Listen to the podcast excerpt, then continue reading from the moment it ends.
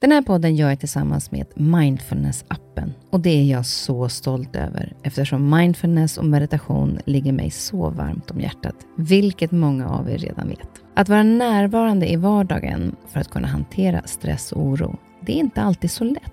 Då kan man ha mindfulness-appen nära till hands för att hjälpa dig när du behöver. För mig kan det vara så till exempel när det gäller sömnen, att vissa dagar då har jag riktigt svårt att komma till ro. Framför allt när det är mycket med jobbet. Då brukar jag använda mindfulness-appen och avsluta dagen med en avslappningsövning för att sänka stressnivån.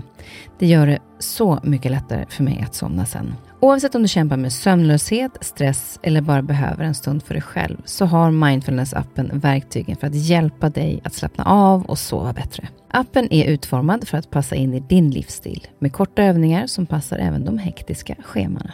Som lyssnare till Nyfiken på så får ni 40% rabatt på prenumerationen av Mindfulness-appen. Länk till erbjudandet ja, det hittar ni i poddens Instagram, kaspersen nyfikenpa. Eller så går ni in på themindfulnessapp.com kristin. Sluta aldrig att vara nyfiken. Livet har så mycket att lära.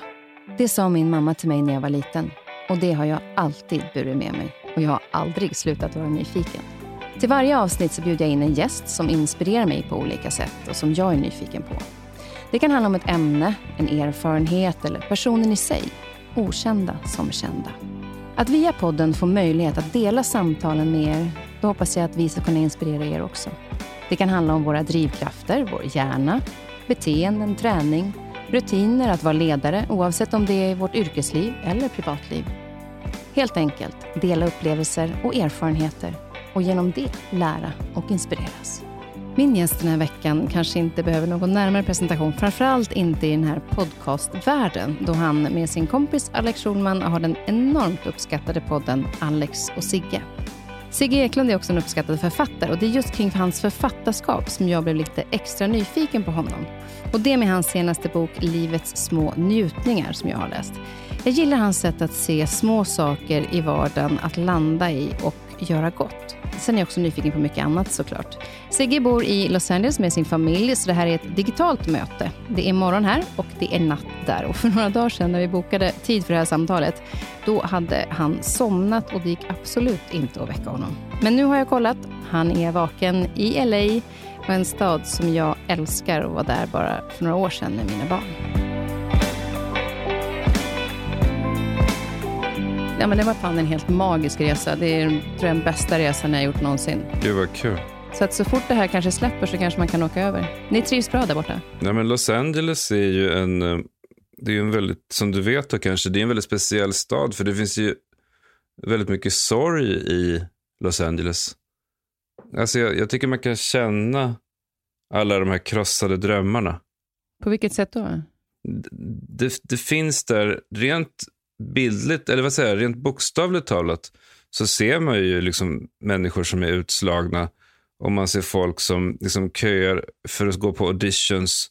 Och man ser människor liksom stå och skryta för varandra. Det här desperata klättrandet uppåt mm. i, i entertainment-businessen. Alltså, det finns ju så mycket droger här också. Men, men sen finns det en, så här, en, en vibe som, man inte, som är svår att sätta fingret på. Som är mer abstrakt. Men jag, jag har alltid känt det med Los Angeles. Det har lite att göra med att den är så vidsträckt. Du vet, i New York så är det ju så pass stress, så hö, hög stress överallt. Man hinner liksom inte riktigt tänka på hur man mår. Jag tror att Los Angeles är en ganska stor utmaning för alla som flyttar hit. Eftersom det är så lugnt och så tyst så hinner liksom ens liv i fatten. Upplever du det så? Ja, jag tyckte så här, när jag bodde i Stockholm eller i New York så man springer omkring och man går på möten och alla springer omkring. Och eh, jag tyckte väldigt många grejer kom upp till ytan i vår familj till exempel. När vi kom till Los Angeles. Alltså saker, spänningar som har legat under ytan i många år. Nu, det var en kris som vi gick igenom under första året här. Det finns, man får tid att titta på varandra och lyssna på varandra. Och då så plötsligt så inser man att man kanske inte har hört eller sett hur den här personen mår på länge. För att alla varit så inne i sin stress i Stockholm och New York där vi bodde tidigare. Och det har varit, jag tror att det är därför det är en, det är en ganska hård stad. den gallrar bort folk ganska snabbt. Men det är väl också, det är ju på gott och ont i och för sig, att man också kan, alltså jag tycker kanske att det är mest gott att faktiskt stanna upp, att ha lite tid för eftertanke. Mm. Men det är också, tyck, upplever jag LA, att det är väldigt nära stressen också och tempot. Ja, men det är, det, det, det är väldigt läskigt också att stanna upp. Eh, jag, jag, jag menar, nu, nu är jag väldigt glad att vi flyttade hit. Men det första halvåret så tycker jag att det var... Då förstod jag vilket skydd det är med stress. Alltså vilken otro, hur otroligt bekvämt det är med stress på ett sätt. Alltså känslomässigt. Därför att du springer mellan olika saker. Det är bara att gå, gå runt på gatorna kring Stureplan eller, eller på Söder eller runt Centralen. Alltså hastigheten som folk går med. Folk nästan halvspringer ju. Medan här så är det ju ett väldigt lugnt tempo. Folk går hem från jobbet tidigare. Alltså Los Angeles-borna är helt enkelt, jag tror att de påverkas av att vara nära naturen. Det låter ju ganska behagligt tycker jag. Ja, därför att jag har levt hela mitt liv i städer med mycket högre hastighet. Och det gör att stora delar av mig själv, alltså eh, problem som jag har haft med mig själv har jag tryckt undan i stressen. Eller problem som jag haft med, eller olika problem som vi har haft i vår familj. Alla möjliga små problem, de trycker vi undan därför att vi har varit inne i en sån, ett så högt tempo. Jag menar, du kan, man kan ju likna det vid kanske att det är många som vittnar om att när barnen flyttar hemifrån, då plötsligt så skiljer de sig. Därför att plötsligt så sitter de i en tystnad mitt emot varandra och ser på varandra. Liksom, oj, vem är du? Det, det, jag tror att det kan liknas lite vid det, när, när man går från liksom, tempo, ett så högt tempo till ett väldigt lågt tempo. Så plötsligt så ser man varandra. Men, men jag är väldigt glad nu att vi gjorde det. Eftersom vi nu har kommit igenom det på andra sidan. Och Det är ju en, också en, eh, en bra erfarenhet innan barnen flyttar hemifrån, så man hittar varandra innan dess på det sättet. Ja, men det, är inte bara, det var inte jag och min fru så mycket, utan det var också våra barn som har... Vi har ju en son som har ADHD till exempel, som, har, som verkligen fick äntligen en bra skola här. De, de är väldigt duktiga på ADHD i USA, eftersom de ligger några år före. Ja, det finns en väldigt stor kunskap här kring ADHD. På vilket sätt då? Ja, det är bara när man, man, sett, man, när man pratar med lärarna på hans skola så hör man bara helt enkelt att de har många, många års erfarenhet och de förstår alla, alla nyanser av hur man hanterar barn och utbildar barn med ADHD. Ta vara på det. Jag har själv barn eh, med eh, ADD och ADHD. Ja, så det är en, en, eh, alltså just att få landa i det är ju, och se de sakerna som är bra. Men du har ju också sagt, nu har vi liksom börjat eh, snacka, jag kanske ska också säga, fan vad kul att du är med Sigge. Kul att jag fick vara med. Ja, ja eh, vi har redan börjat här, klockan är ju nio på morgonen här och eh, du är vaken och det är midnatt hos dig. Mm. Vi pratar ju liksom om det här med LA och där, du har också sagt, vad jag har förstått, att, men att, du kan, att du känner dig som en bättre människa där borta. Jag vet inte om det är kopplat till LA eller om det var New York, men på vilket sätt skulle du säga att du är det? Nej, men jag tror, dels så tror jag att var man än är född så tror jag att det är väldigt, det är väldigt viktigt att under en period i alla fall bo i ett annat land. Eftersom man helt enkelt blir, man bryter mönster och man blir modigare på massa olika sätt. Alltså det spelar ingen roll, jag tror att en amerikan skulle säkert tjäna massor på att bo i Stockholm i liksom några år. För mig har det varit väldigt viktigt i alla fall. Men sen tror jag att jag, av någon anledning, jag har inte riktigt svar på det, men av någon anledning så har jag aldrig riktigt känt mig hemma i Stockholms innerstad. Varför inte det tror du? Ja, men jag älskade verkligen att växa upp i Akalla. Eh, jag bodde där i de första 16 åren av mitt liv. Och Akalla var ju som ett litet universum verkligen. Med eh, Hanstaskogen och sjöarna där. Och eh, vet, man kunde gå ut och cykla på kvällen. Och det var en väldigt trygg känsla. Och när jag kom in till stan så upplevde jag att det fanns en helt annan likriktning i hur folk pratade och hur folk tänkte.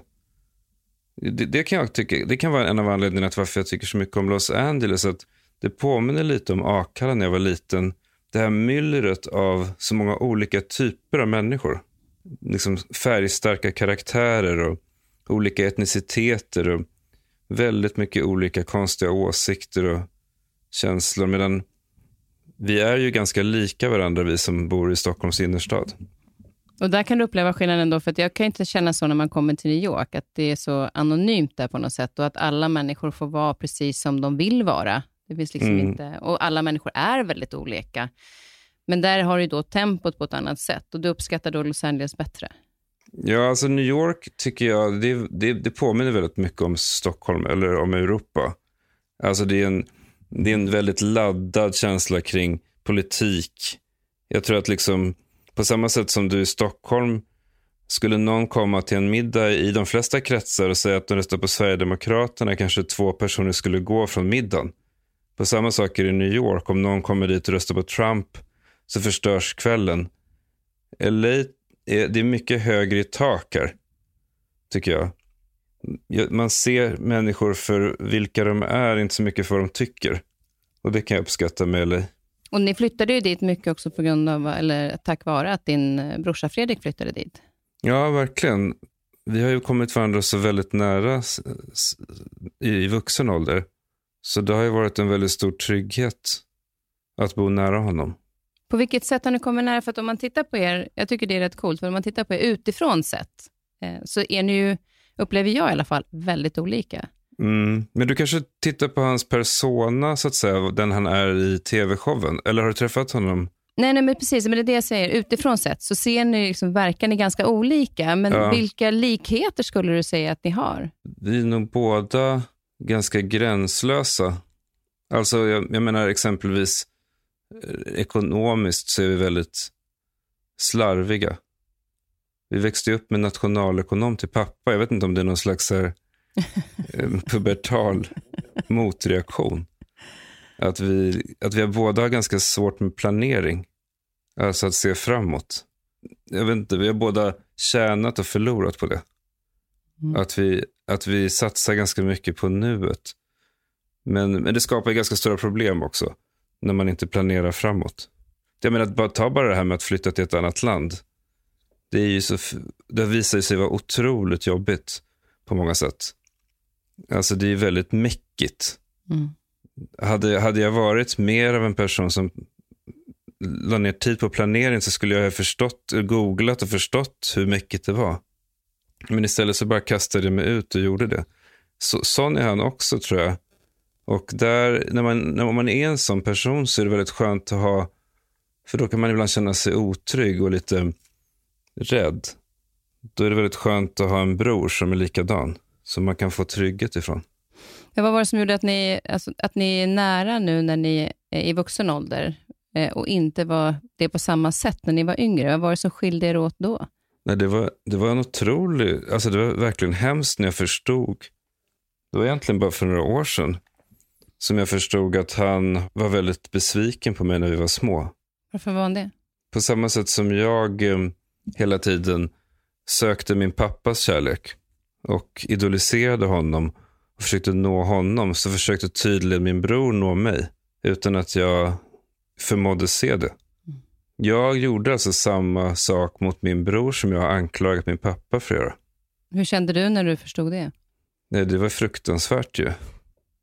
För jag vet ju precis hur det känns att växa upp och söka någons kärlek och bara se en rygg. Det präglar ju ens hela liv sen efter det.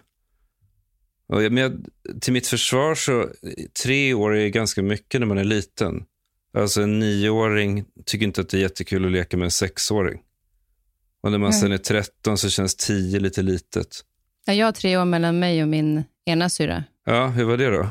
Nej, men det var ju väldigt... Alltså jag ville ju vara med dem hela tiden. Jag gick in och satte mig i hennes rum när hon hade kompisar där och hon ville ju gärna inte ha lilla syster där, vilket jag förstår. Men vi var ju samtidigt också tillsammans en del. Nu var ju vi, ehm, eh, eftersom vi levde då med mamma som turnerade, så var, blev det ju att vi hade ju varandra hela tiden.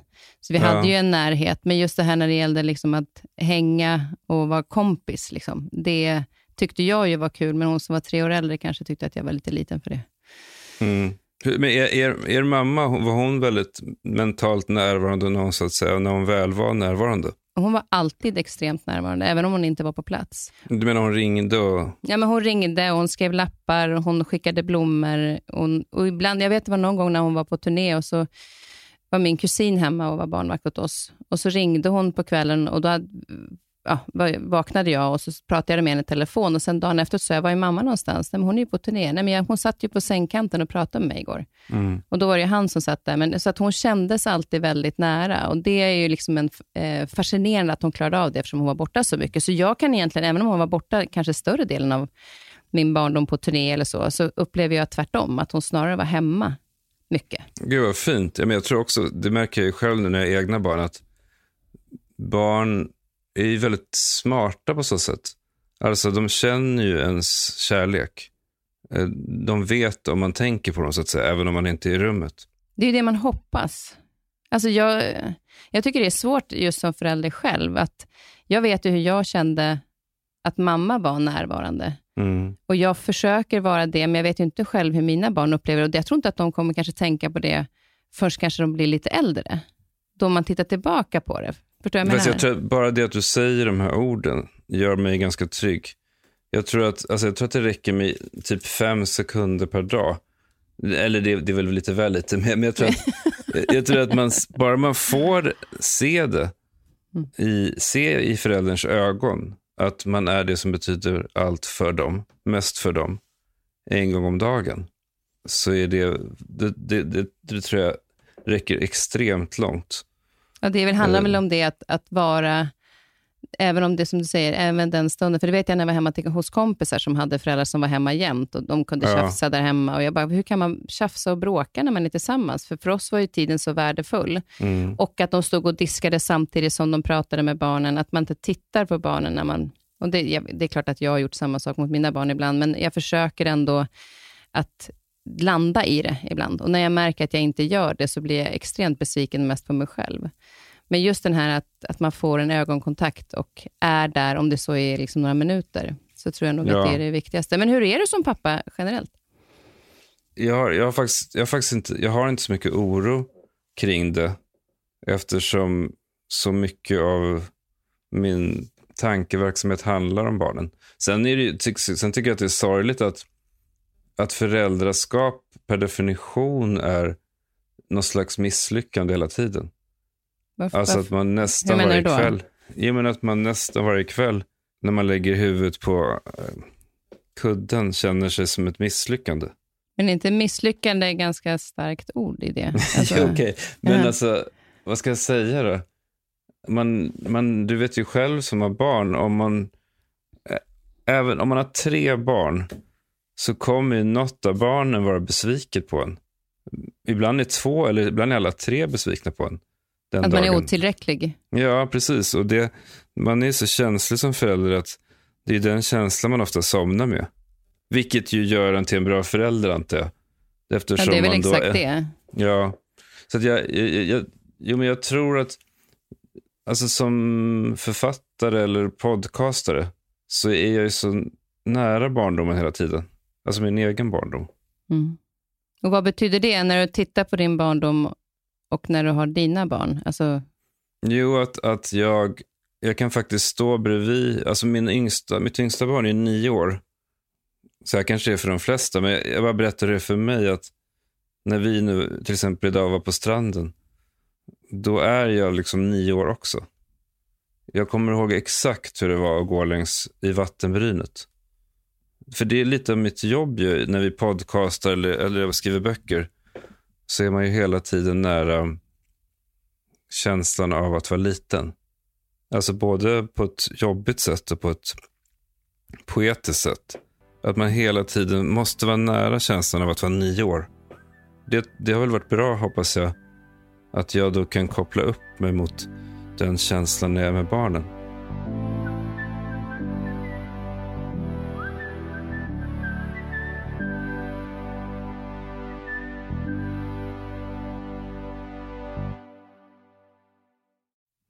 Du har, ju läst, har du läst min senaste bok? Ja, Livets små njutningar. Ja, den handlar ju om, egentligen, på ett sätt kan man säga att den handlar lite om att vara barn.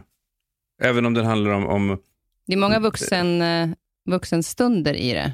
Ja, men det måste man säga. Jag menar mer att, att den känslan som jag beskriver i varje kapitel, Mm. alltså att vara i det här liksom innersta, innersta kammaren, när man är trygg i sig själv och man känner sig grundad och man är nära naturen, eller, eller nära, man, man liksom ligger i en sovkupé och man tittar ut över bergen, så de här, de här ensamstunderna, de tar ju form när man är liten.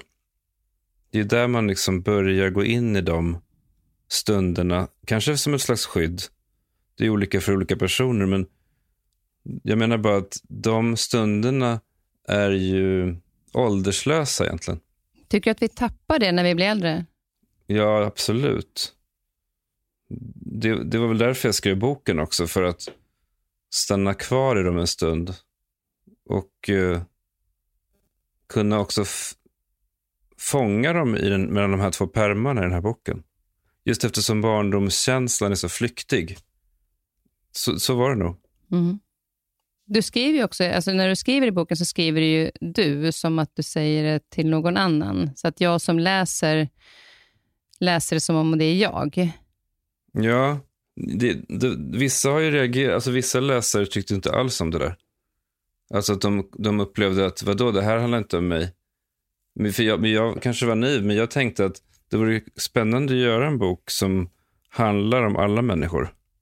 För jag tänkte nog att, eller jag vet inte om jag har, har gett upp den tanken, men jag tänker ju att det här är någonting som förenar alla människor. Den här känslan av att vara i balans i sin ensamhet. För det kan man väl säga att boken handlar om ensamhet på ett sätt. Alltså jag tycker det är en skillnad på att vara ensam och vara själv. Mm. Ensam upplever jag är ju att då känner jag mig ensam. Mm. Medan om jag är själv så är det ju en stund att jag väljer och tycker om. Mm. Och de stunderna tycker jag, det var ju flera, jag kunde identifiera mig med flera eh, utav de här texterna som du skrev.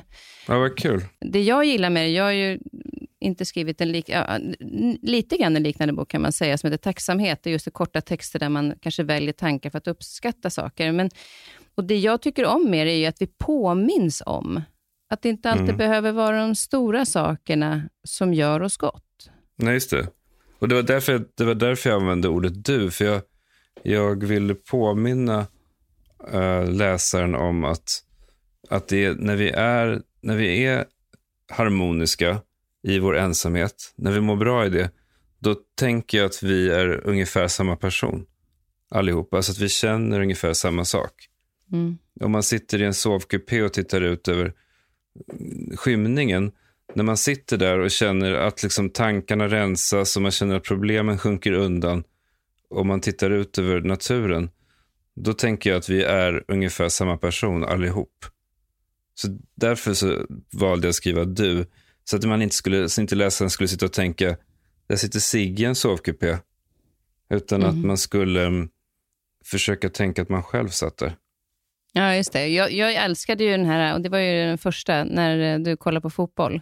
Ja, eller tennis tänkte jag.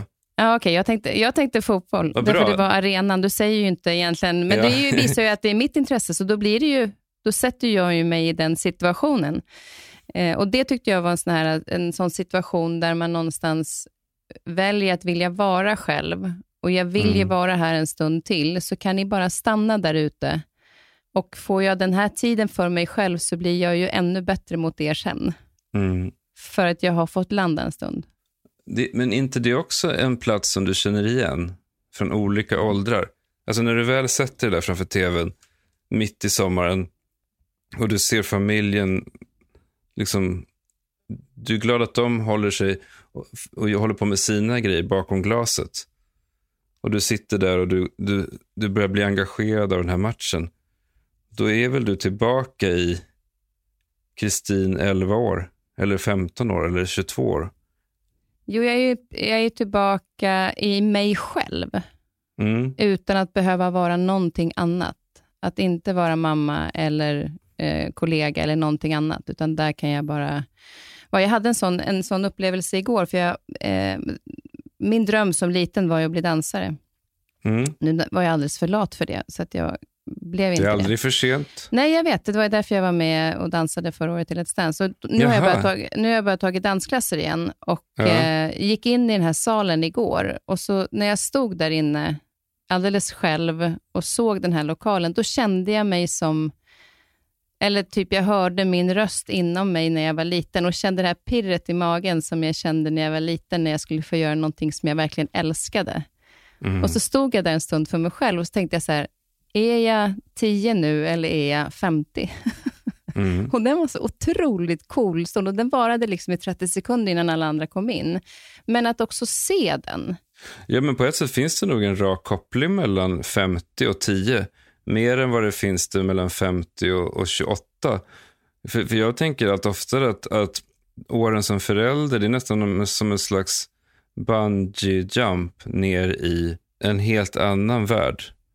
Där man ju inte är, eh, man hinner inte dansa. Man hinner inte vara själv överhuvudtaget.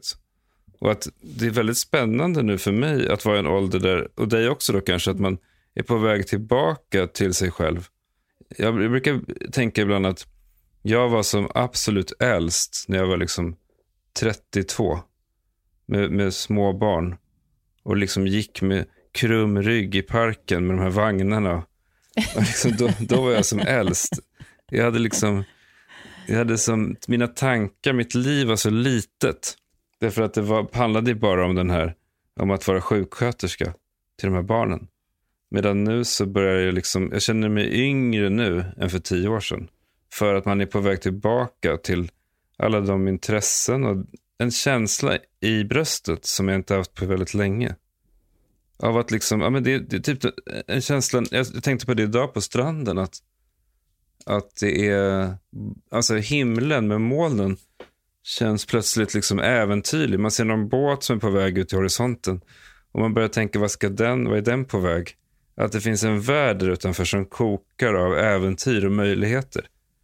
Alltså det tänkte inte jag på för tio år sedan. Utan då tänkte är... man så här, var är blöjorna? Ja, men är det för att du får också mer tid och utrymme för att stanna upp i det? Ja, men jag, har också, jag tror också att jag har haft, en, ja det, verkligen, så, så, är det verkligen.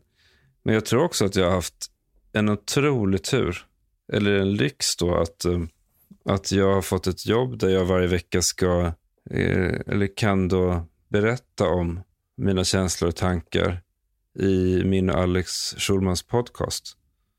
Det har ju varit liksom utvecklande verkligen. Mm. Jag tror att det är en, eller jag är väldigt, jag, jag, förstår att det är en lyx. Dels för att jag kan bo här och göra den podcasten i Los Angeles.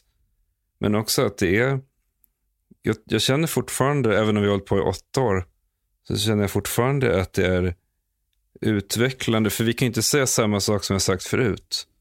Det hade varit tråkigt att lyssna på, så man tvingas då att tänka ett steg längre eller känna ett steg längre varje vecka.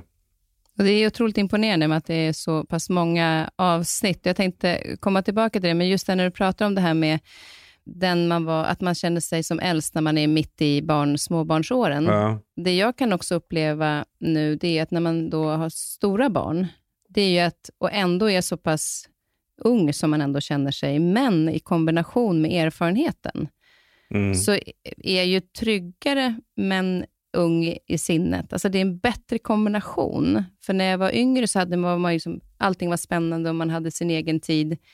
Och den var ju fantastisk på sitt sätt, men det fanns ju inte så mycket erfarenhet runt det. Nej. Idag kan jag... Jag åkte till Bali i januari själv och kände mig på ett sätt som en 25-åring som levde livet igen på ett annat sätt. Eh, även om jag, det jag älskat mest är såklart att vara mamma. Men då kunde jag ta vara på mitt, men jag hade också en erfarenhet som gjorde att jag var tryggare. Än om Gud, jag hade kanske kul. varit 20. Ja, det var ju så sjukt kul var det. Nej, men det gör ju också att du blir mer besjälad med dina barn nu. Du kan möta dem i massa grejer. Absolut, men det är också en övergång. Att vara förälder till barn mm. som är, eh, behöver en 24-7, till att bli en vuxen mamma där barnen inte behöver dig på samma sätt, men du finns alltid där. För mm. dem är det ju mer en självklarhet, för de kliver ju över i vuxenlivet. Som mamma ser man ju mamma och är van att vara det 24-7. Så jag blir ju nybörjare också som mamma på något sätt, för det kliver in i en ny tillvaro, mm. som är otroligt häftig, men som också är lite så här hur gör jag i det här läget? Här har jag inte varit med om förut. Men, men eh, kan du känna dig bitter ibland över att, eller jag vet inte hur det var för dig, men jag kan känna mig, jag försöker vifta bort det, för det är bara destruktivt, men jag kan känna mig, ofta kan jag känna, det kan komma en sorg, att eh, det var, tog så många år för mig att, att sluta vara osäker. Det tog många år innan jag slutade spela olika roller i olika sammanhang. Varför gjorde du det från början? En rädsla alltså. För? Ja, det är en bra fråga. Vad är, vad, är man, vad är det man är rädd för när man sitter i, när man är 20 och sitter och säger att man tycker att en film är bra fast man egentligen inte tyckte det för att de andra i gruppen tycker, tycker att den är bra. Det är ju liksom, jag antar att det är en rädsla för att bli lämnad. En känsla av att bli avslöjad för att vara värdelös. Alltså helt värdelös. Och det, när jag kollar på foton liksom från min ungdom och ser, alltså för jag ser ju direkt i mitt eget ansikte hur, hur ensam och eh, liksom falsk jag var. Då kan jag liksom bli jävligt ledsen att jag slösar bort min ungdom på det. Men, men sen så försöker jag liksom försvara det inför mig själv med att tänka att det, det här var min, det blev min väg. Och jag, antar, jag hoppas att på grund av det så bär jag med mig vissa insikter. Men är det också inte en del av livet att hitta sig själv genom att gå igenom sådana perioder också? Jo, jag vet, fast det fanns ju vissa som, kommer du ihåg när man redan i högstadiet så fanns det människor som, alltså 15-åringar som var väldigt trygga i sig själva redan då och bara kom in i ett rum och, och log naturligt och ledigt och, och ägde platsen och stod på. Liksom, jag vet inte hur de mår idag i och för sig. Nej, men exakt så. Men det är, inte, det är ju den bilden vi har av dem. Det kanske finns andra som hade den bilden av dig. Ja, men nej, men jag, jag förstår vad förstår du menar. Jag menar det, det finns ju de som kan komma in och eh, ta den platsen för att de kliver in i en roll för att känna sig trygga i det. Men i själva verket nej, inte. Men jag, jag förstår vad du menar och det är snällt av dig att att försöka hjälpa mig här. Men jag, jag var verkligen, jag mådde verkligen inte bra. Nej. Fram tills jag träffade min fru egentligen. Alltså när jag var 27. Mm. Det var verkligen, alltså jag vet inte vad som gick fel egentligen. Men, men jag, jag, var väldigt, jag var väldigt lycklig som barn. Men du var lycklig som barn. Var det, kom det där i tonåren då? Eller när, ja, när blev du inte lycklig? Det var verkligen över en natt. När mina föräldrar skildes och vi flyttade in till, till stan från Akalla. Jag vet inte om, ibland tänker jag, för att vara amatörpsykolog, så ibland kan jag tänka att det är därför jag inte, jag känner som att Stockholm liksom stötta ut mig som om jag var en bakterie när jag går på Sveavägen eller Götgatan. Att jag, inte, jag känner mig hotad där. Att det kan ha att göra med att jag kom dit när jag var 14, 15.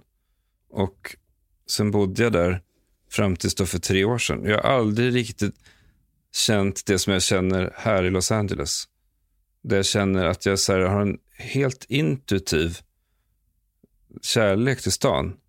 Alltså känslan av hem som jag, som jag är så jävla glad för. Alltså när vi landade nu för att efter att ha varit i Sverige i somras så känner jag verkligen att det är ett hem. Och det, det där är väldigt mystiskt. Alltså man kan inte riktigt...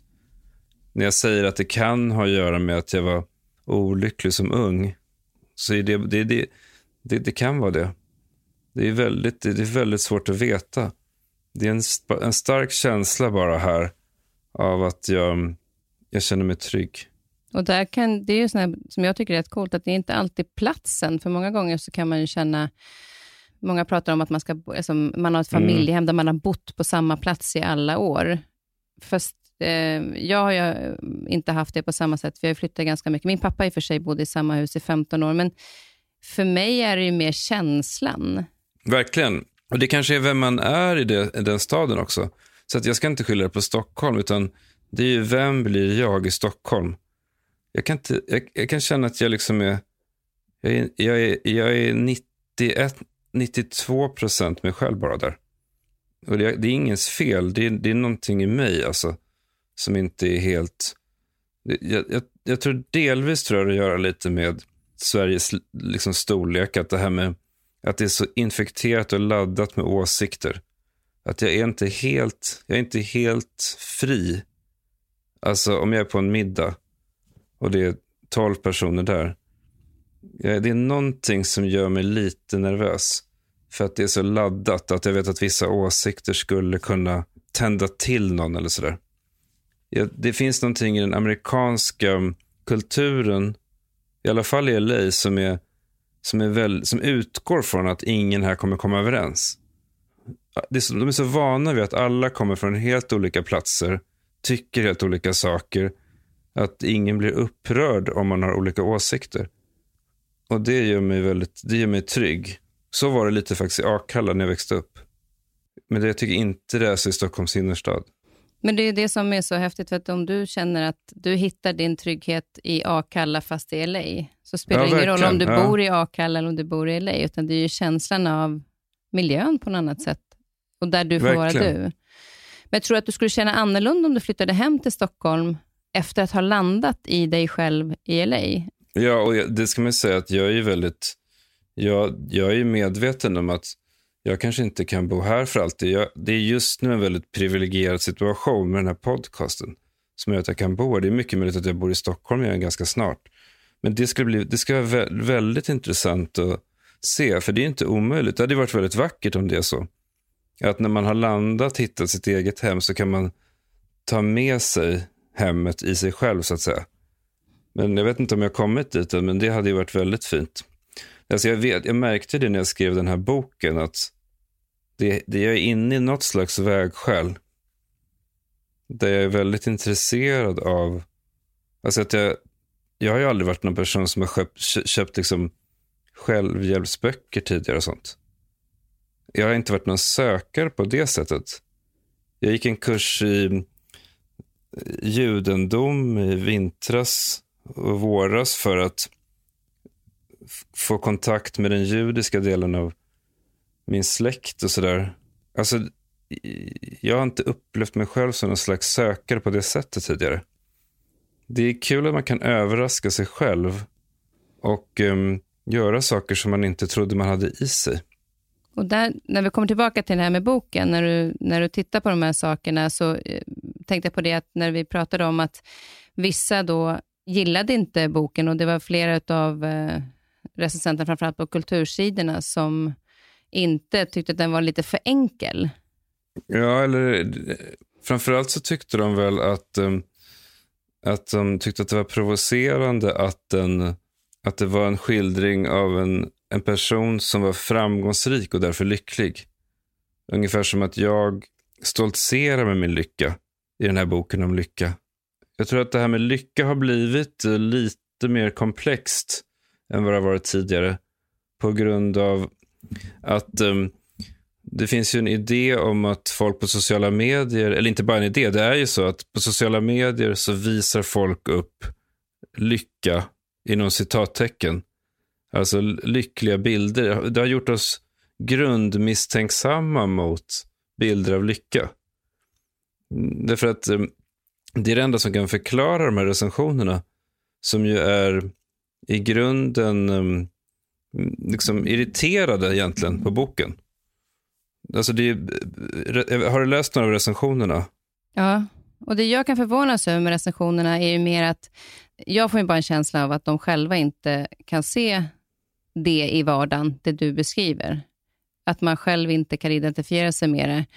Eh, och Det jag också tänker på är ju att om man uppskattar dig för den intelligens du har, din, för ditt författarskap på ett annat sätt. Medan jag som skriver om det på ett ärligt sätt inte. Där var det bara liksom, var skönt att få de, de typer av reflektioner och att man ser saker i vardagen på ett annat sätt än att allting ska vara så himla tungt och stort jämt. Att det är som skillnad på att om du skriver mm. en sån bok eller om jag gör det. Ja, precis. För att det är ju samma... Det är ju uppenbarligen att det är en ful konstform att skriva om lycka. Alltså, du blir inte ens recenserad. Och jag blir väldigt, väldigt kritiserad för det. Alltså, alltså det, det, är ju det är lite känsligt att diskutera sin egen bok. Därför att man, hur man än uttrycker sig så låter man ju bitter. Men det har ändå varit, alla som jag har pratat med har ju ändå hållit med om att det måste ju funnits någonting i boken som är provocerande. För det är inte bara att de skriver, de skriver inte egentligen att boken är dålig, utan De är mer irriterade på själva konceptet.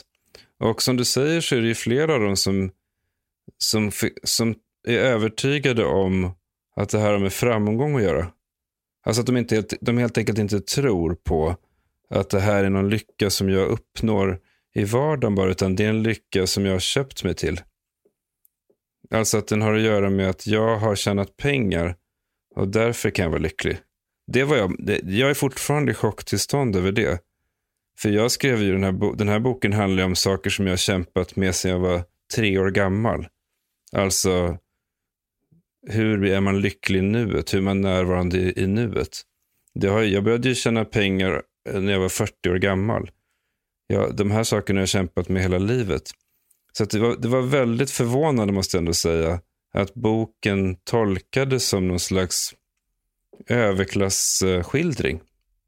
För mm. som, om du har läst den så vet du att alla de här kapitlen egentligen är ju, det är ju saker som inte kostar någonting. Det är ju att inte. promenera i en höstskog eller att välja te eller att um, bada skumbad eller att somna med en hund. Det är ju det är, det är, det är saker som vem som helst kan uppleva. Men, men jag antar att där står jag då i vägen för boken. Man gör ju sig själv en otjänst om man gräver sig ner för allt för mycket då i vad bilden av en själv är. Ja, för då blir man ju väldigt snurrig tror jag. Ja, men verkligen. Och sen så är det just det att vad är, vad är fint och vad är fult. Jag vet när mamma hamnade ju då aldrig på kultursidan, för hon gjorde ingen fin, det var ingen fin kultur det hon gjorde. Nej. Först den dagen hon gjorde en show med Lars Forssell, som var ju då en, satt i Svenska Akademin och det var så här, då hamnade hon där. Och Hon tyckte att det var lite komiskt, för då blev hon ju så hyllad. Ja. Men det hon hade gjort förut blev inte det.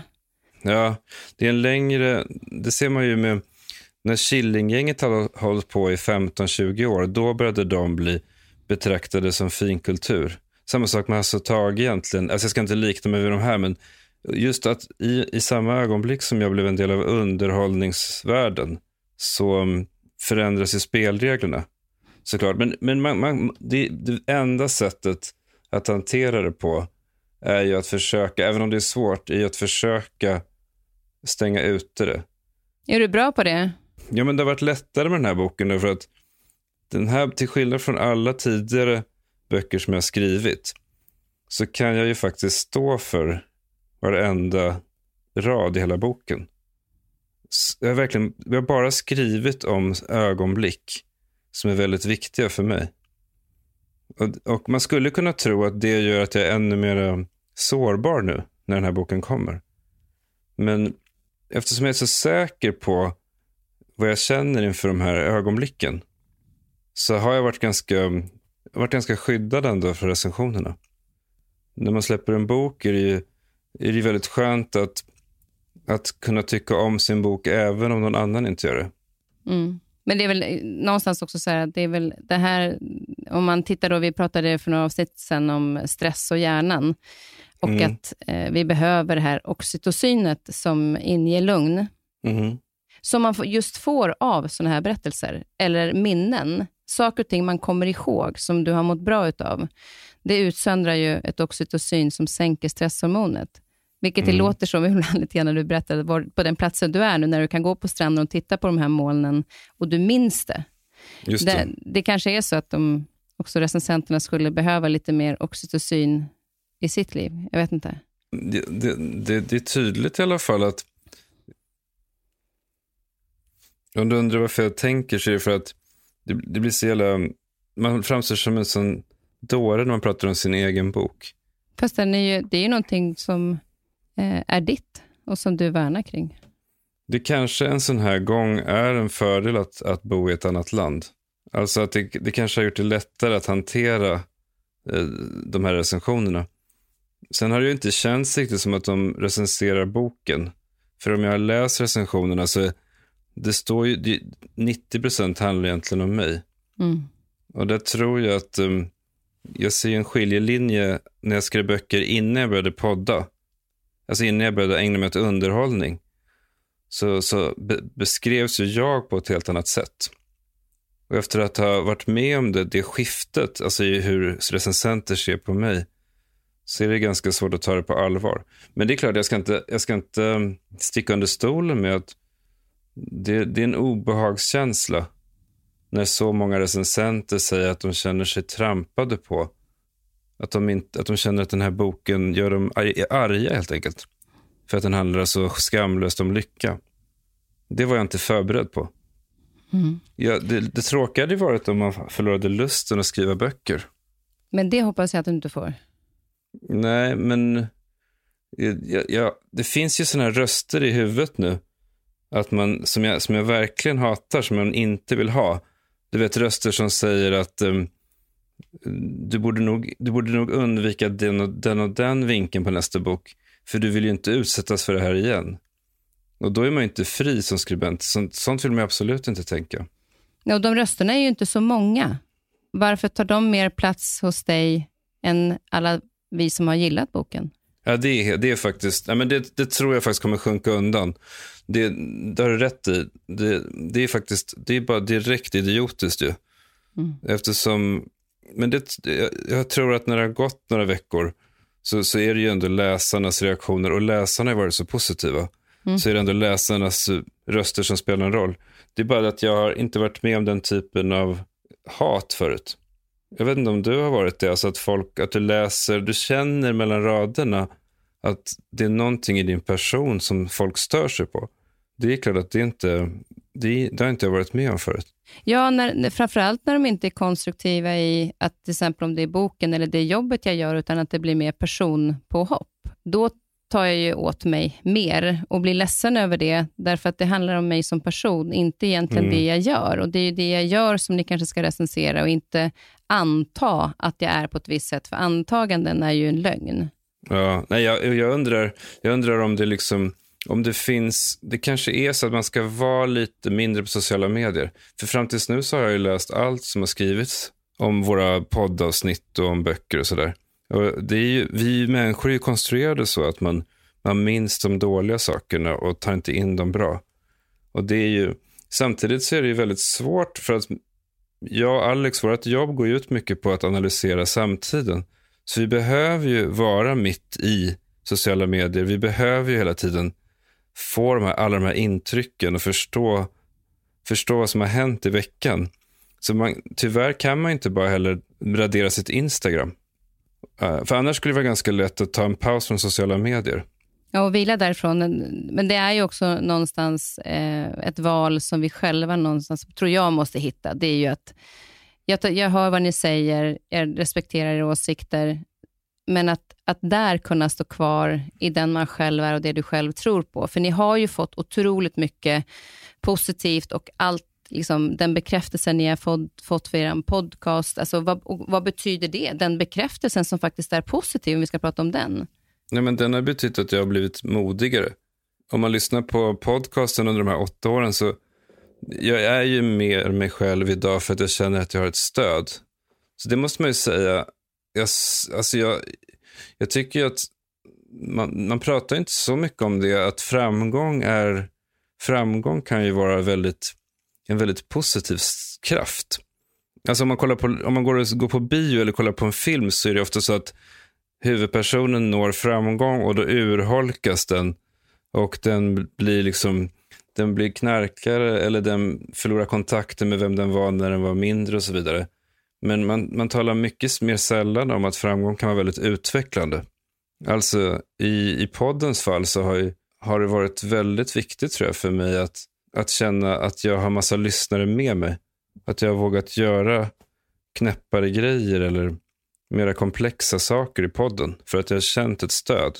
Och där är ju bekräftelsen eh, fantastisk för den, den stärker ju en själv. Kan du, är du bra på att bekräfta dig själv? Nej, men, som jag ser det så händer det någonting ibland i podden också när man skriver. Där känner du säkert igen också. Det kan säkert vara samma sak när man dansar. Att när någonting stämmer så, så händer någonting som är utanför en själv. Alltså man skapar någonting som är större än sig själv helt enkelt. Mm. Ja, alltså I mitt och Alex fall så kan jag verkligen känna det väldigt konkret att ibland så blir ett plus ett tre. Att vi två tillsammans blir någonting som inte är han och jag. Som verkligen är väsensskilt från oss två. Alltså. vi två i kombination blir någonting som jag inte visste att jag hade i mig eller att han hade i sig. Och samma sak ibland när man skriver. Och det vet inte om det är bekräftelse då. Men det är, det är en väldigt, det är en väldigt befri, en känsla av frihet då. När jaget försvinner. Alltså man är i kontakt med någonting större helt enkelt. Ehm, alltså det, det kan du säkert känna. Man kan ju känna det på en middag också. När, man, när, någon, när samtalet lyfter så att säga. Och man slutar tänka på, nu ska jag säga något smart här. Utan man bara är i ett flöde av någonting. Det, det, det, kan hända egentligen vad som helst. Jag kan tänka mig att det kan hända när man dansar också. Att nu glömmer man bort sig själv ett tag. Och det, det är inte att bekräfta sig själv, men det är att vara i kontakt med någonting som är väldigt beroendeframkallande. Och dit, dit vill man ju igen. Och framförallt tycker jag när det gäller någonting som, när man, som ni i podden är ju ganska utelämnande eh, om er själva och det ni gör. Eh, jag sitter mm. och slutredigerar en, bok nu och där är jag ju väldigt utelämnande. Det hade jag ju aldrig varit om jag inte hade fått bekräftelse tidigare för att jag är på rätt väg och folk uppskattar det. Så det gör ju mm. en modigare, precis som du säger. Det kan jag nog uppleva, att jag blir modigare när jag får den den typen av bekräftelse. Och såklart, om jag inte skulle få det och det skulle vara negativt, då skulle ju den delen av mig bli osäker en period. Mm. Att ska jag stänga Verkligen. igen den här muren framför mig igen, eller ska jag våga hålla den någorlunda öppen? Mm. Men det är det jag menar, alltså jag tycker nästan så här, det finns en ytterligare nivå, alltså efter bekräftelse från publiken. Och det är när man, alltså det händer ju jävligt sällan, men det är när när det är så bra det man har gjort, alltså det händer ju otroligt sällan, men det är så bra det man har gjort att även om hela världen skulle pissa på det, så, är det en, så skulle man ändå vara stolt över det. jag, jag, jag säger inte att den här... Ja. Jag tycker det är, det är intressant, därför att det handlar ju om att säga att jag skulle nog hellre känna, eller många gånger i alla fall när jag gjort tv till exempel, att känner jag, för jag vet att jag kan inte göra alla nöjda. Det är ju fasken omöjligt. Men om jag själv känner att fasiken, det här, nu kände jag att jag gjorde mitt yttersta och det blev som jag verkligen ville och jag gav det jag kunde. När jag känner mig ganska nöjd själv. Det är nästan än viktigare. Mm. Att den verkligen. här prestationen... Det, det, det, det, precis, det är väl det jag är inne på också lite. Och eh, det, det, var, det, var väl, det var väl därför jag sa, eller skrev den här boken i du också. För att jag liksom, jag för alla de här kapitlen beskriver ju en känsla där man är ett med någonting större.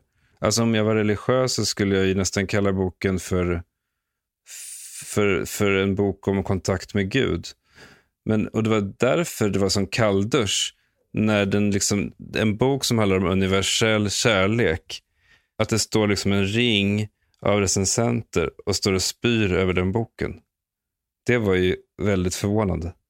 Och där mitt i så ska du bara fortsätta att stå och skina i, din, i det du är.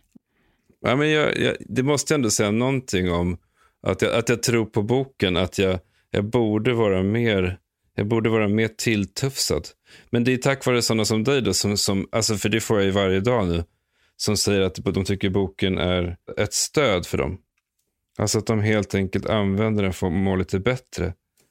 Det, det, det är ju gör ju att jag blir mycket, mycket gladare än vad jag hade varit annars. Man stannar upp och ler en stund. Och eh, ja. när hunden hoppar upp i soffan och lägger sig där nära mig så känner jag ju närheten lite extra för att jag blir påmind om hur viktig den är.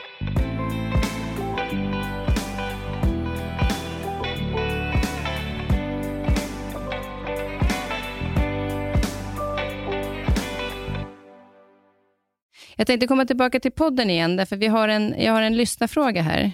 Ja. Hejsan Sigge och hej på dig Kristin. Eh, jag heter Olle jag är ett väldigt stort fan av eh, din och Alex podd Sigge. Jag har lyssnat på alla avsnitt och många av dem har jag lyssnat på flera gånger.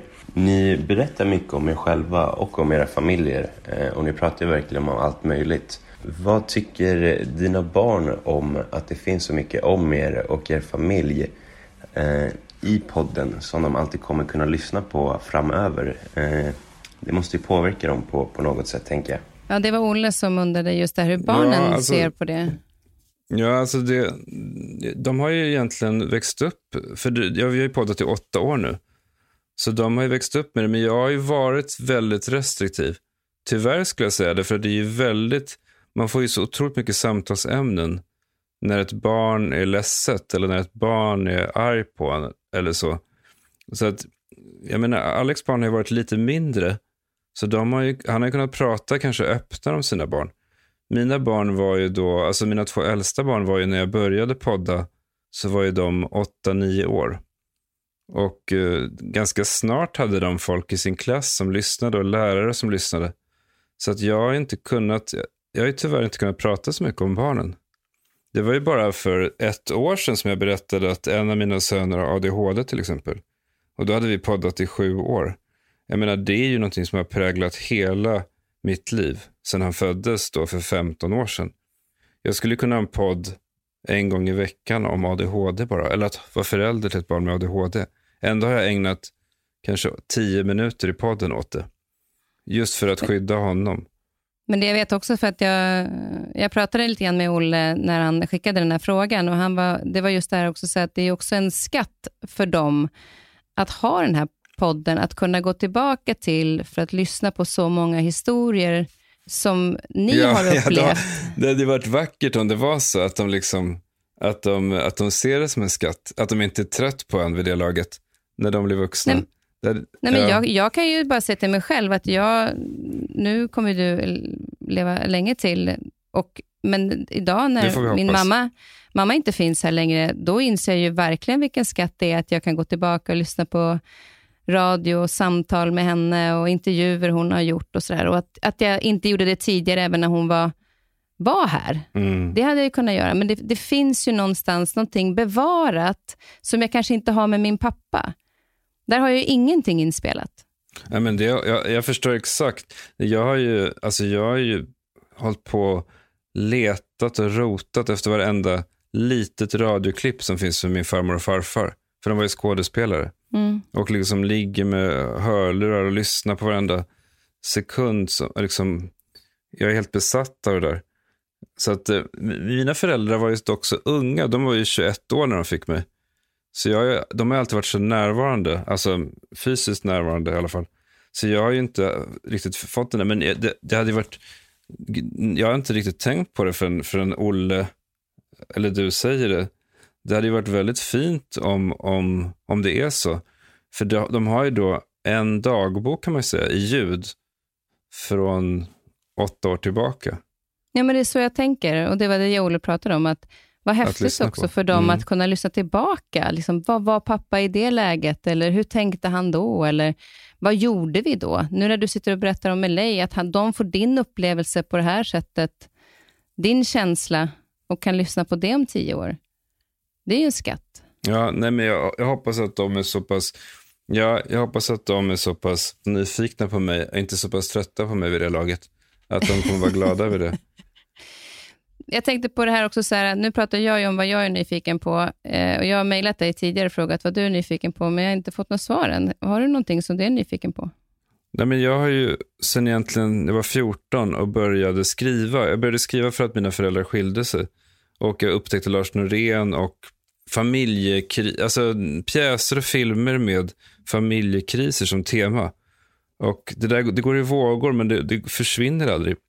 Jag har precis skrivit en en, en pjäs om min farmor och farfar som utspelar sig på min farfars 70-årsdag.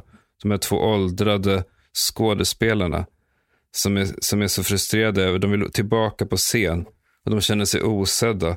Och jag har ägnat hela sommaren åt att göra en podcast med Torsten Flink och hans tvillingbror Rickard Flink som försöker återförenas. De har inte pratat med varandra på 20 år. Och eh, det är så intressant att höra två tvillingbröder försöka nå varandra.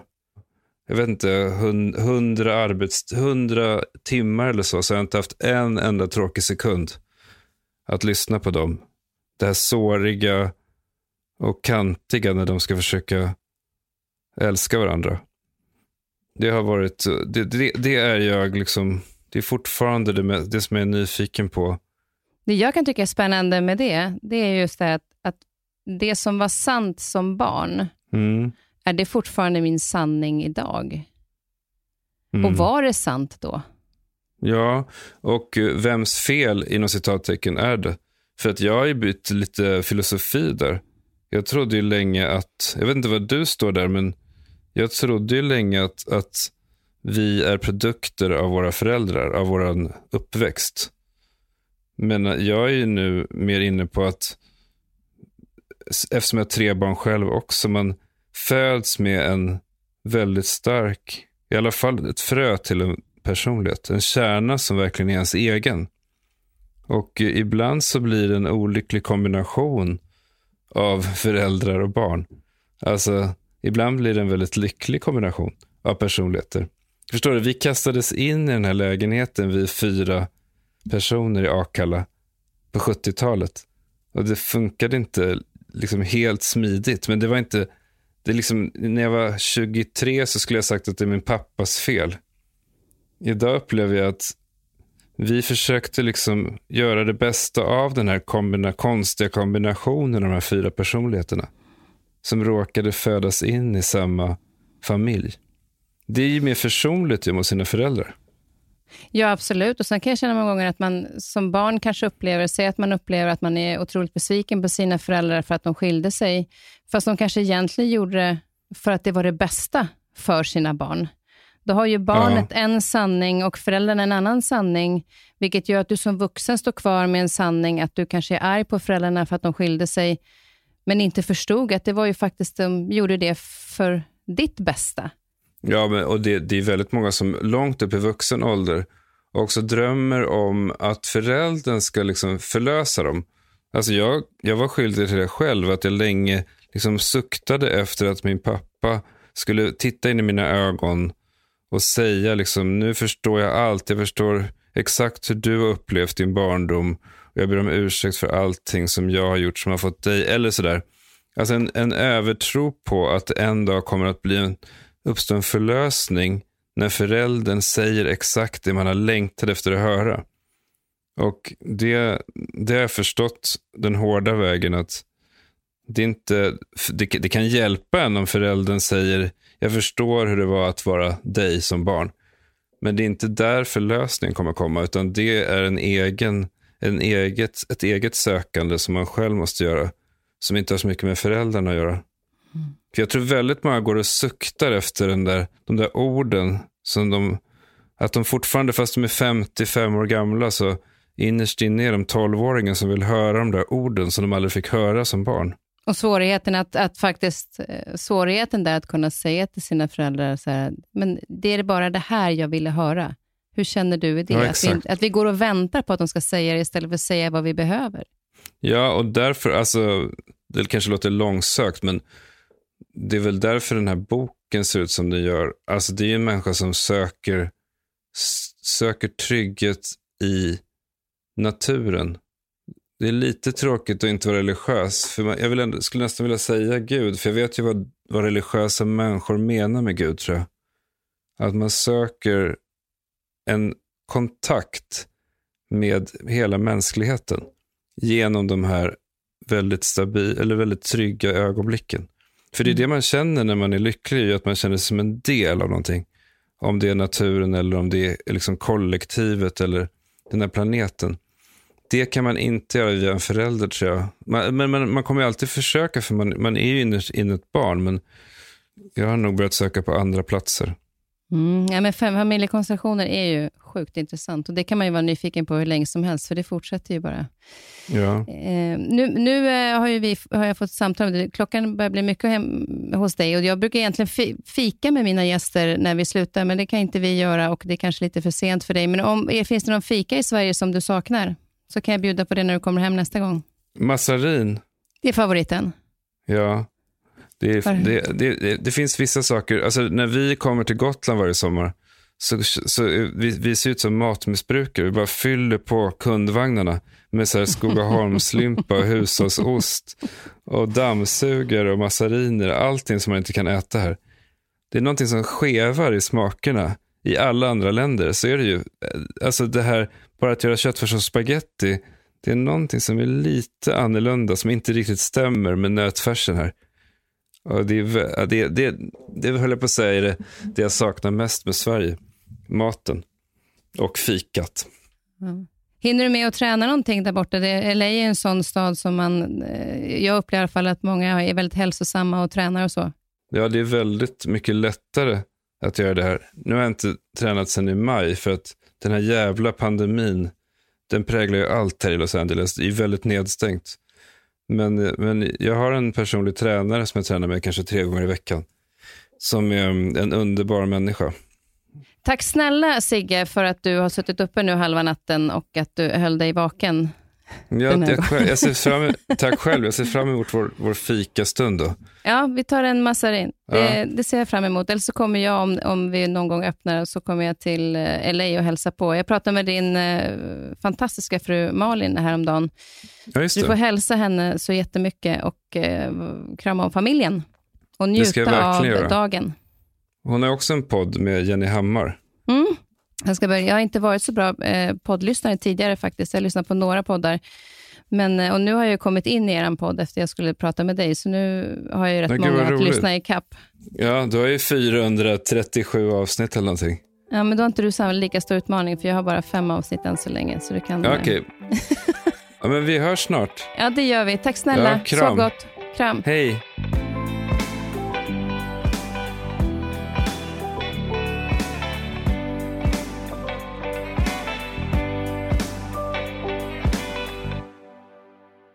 Här podcasten är producerad av Perfect Day Media.